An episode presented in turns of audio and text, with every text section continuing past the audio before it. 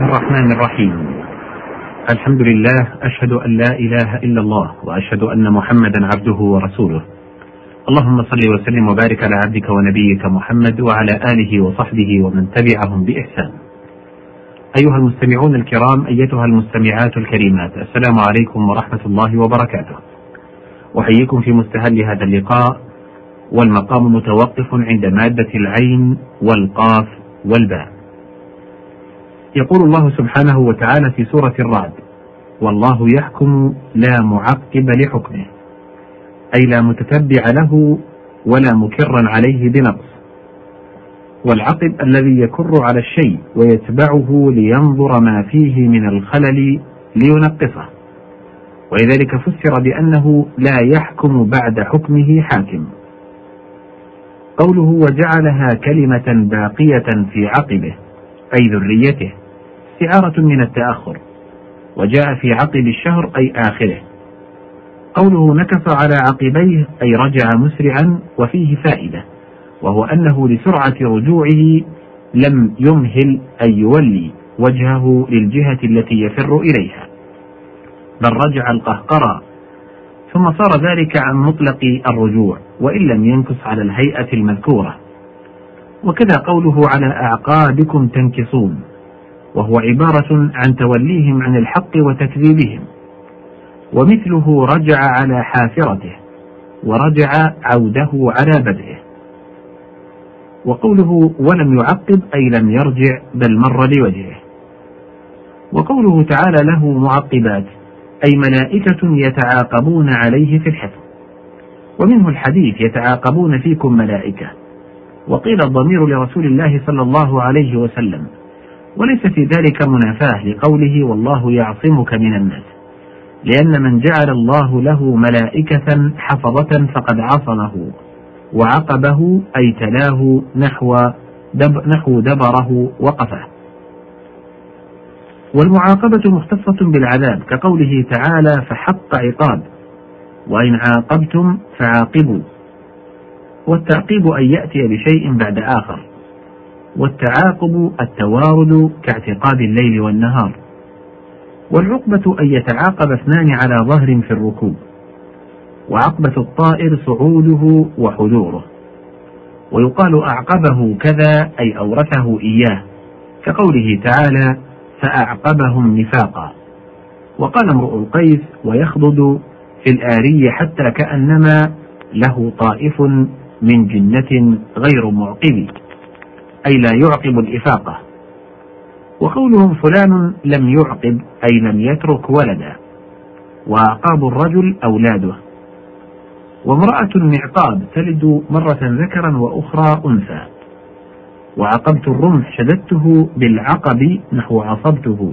شددته بالعصب. والعقبة طريق وعر في الجبل.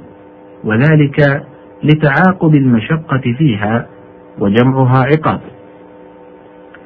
قوله تعالى وإن فاتكم شيء من أزواجكم إلى الكفار فعاقبتم. المعنى إن ذهبت امرأة منكم إلى من لا عهد بينه وبينكم. فآتوا الذين ذهبت أزواجهم مثل ما أنفقوا في مهرهن وكذلك إن مضت إلى من بينكم وبينه عهد فنكث في إعطاء المهر. فالذي ذهبت زوجه كان يعطى من الغنيمة المهر ولا ينقص شيئا من حقه. وقوله تعالى وإن عاقبتم فعاقبوا قال أبو منصور سمي الأول عقوبة وإنما العقوبة الثانية لازدواج الكلام في الفعل بمعنى واحد. وفي الأثر المتعقب ضامن لما اعتقد بل المتعقب ضامن لما اعتقد. واعتقدت الشيء حبسته ومعناه أن البائع إذا باع شيئا وحبسه عنده عن المشتري فتلف عنده ضمنه العين والقاف والدال. قوله تعالى في سورة المائدة أوفوا بالعقود أي العهود. وقيل بالفرائض التي فرضها وعقدها على عباده. وقيل هو ما يلتزمه الإنسان كالنذور. وقال الحطيئة قوم إذا عقدوا عقدا لجارهم شدوا العناج وشدوا فوقه الكربا وأصل العقد الجمع بين أطراف الشيء ويستعمل ذلك في الأجسام الصلبة كعقد الحبل وعقد البناء. ثم يستعمل للمعاني نحو عقد البيع والعهد والنكاح وغيرها. وعقدت يميني وعاقدتها وقد قرئ بما عقدتم وعاقدتم الأيمان أي أكدتموها ولذلك سقط اللغو. والعقد مصدر عقد الشيء يعقده أكده. والعقد القلادة وغلب في الجواهر النفيسة إذا نظمت. وقوله تعالى ولا تعزموا عقدة النكاح أي ما التزم وأكد من التزام كل من الزوجين ما يجب عليه لصاحبه.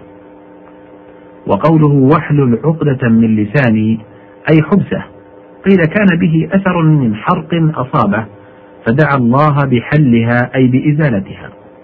والظاهر أنه أراد إطلاق لسانه بما يعبر به عما في نفسه. وقوله تعالى ومن شر النفاثات في العقد أي الساحرات وكان الساحر يعقد عقدا وينفث في كل عقدة من رقاه ما يؤكد ذلك. كأنه يخيل أنه شيء يعقد عليه ويربط. ومن ثم قيل لها عزيمة. وفي التفسير أن رسول الله صلى الله عليه وسلم بعثهم إلى بئر فاستخرجوا منها سحرا سحره به لبيد بن الأعصم اليهودي وبناته إحدى عشرة عقدة في مشط ومشاطة. وفي القصة طول ويروى أنه لما نزلت المعوذة الأولى صار كلما قرأ آية منها انحلت عقدة. وناقة عاقدة وعاقد عقدت للقاح وتيس أعقد وكلب أعقد ملتوي الذنب. العين والقاف والراء. قال الله تعالى في سورة هود فعقروها أي نحروها. يقال عقرت البعير وعقرت ظهره إذا أثرت فيه بالركوب. وأصل ذلك من أصبت عقره أي أصله. ومنه ما غزي قوم في عقر دارهم إلا ذلوا. وقيل للقصر عقره فمعنى عقرته أصبت عقره نحو رأسته أصبت رأسه وعقرت النخل قطعته. قوله وامرأتي عاقر أي لم تلد ورجل عاقر لا يولد له. كأنه من من عقره إذا قطع عقره أي أصله. والعقر آخر الولد وبيضة العقر كذلك والعقر أيضا المهر ومنه قول الشعبي ليس على زان عقر والعقار الخمر لكونه كالعاقر للعقل والمعاقرة إدمان شربها وفي الحديث لا يدخل الجنة معاقر خمر مأخوذ من عقر الحوض وهو مقام الشارب لأن شاربها يلازمها ملازمة الإبل عقر الحوض. والعقار بالفتح متاع البيت وقيل الأرض. وقوله عليه الصلاة والسلام عقرى حلقا أي عقرها الله وأصاب حلقها. وضع هذا في الدعاء عليها وليس مرادا في الحديث وإنما جرى على مذهبهم إذا أعجبوا بالشيء. يقولون فيه بلفظ الدعاء عليه نحو قاتله الله ما أشعره ومنه تربت يداك أي لصقت بالتراب. وقال أبو عبيد صوابه عقرا حلقا بالتنوين لأن معناه عقرها عقرا وحلقها حلقا. والعقيرة الصوت ومنه قولهم رفع عقيرته. وأصله أن رجلا عقرت رجله فرفع صوته فصار ذلك مستعارا في الصوت. والعقاقير أخلاق الأدوية الواحد عقار. وفي الحديث لا عقر في الإسلام. لأنهم كانوا يعقرون الدواب على قبر الميت. ويجوز أن يكون نهيا عما كانوا يفعلونه من عرقبة الإبل بدل نحرها للأضياف. هنا ينتهي الحديث في هذه المادة وبه ينتهي وقت هذه الحلقة. أشكر لكم طيب استماعكم وإصغائكم وأشكر للزميل في هندسة الصوت فواز الحربي والسلام عليكم ورحمة الله وبركاته.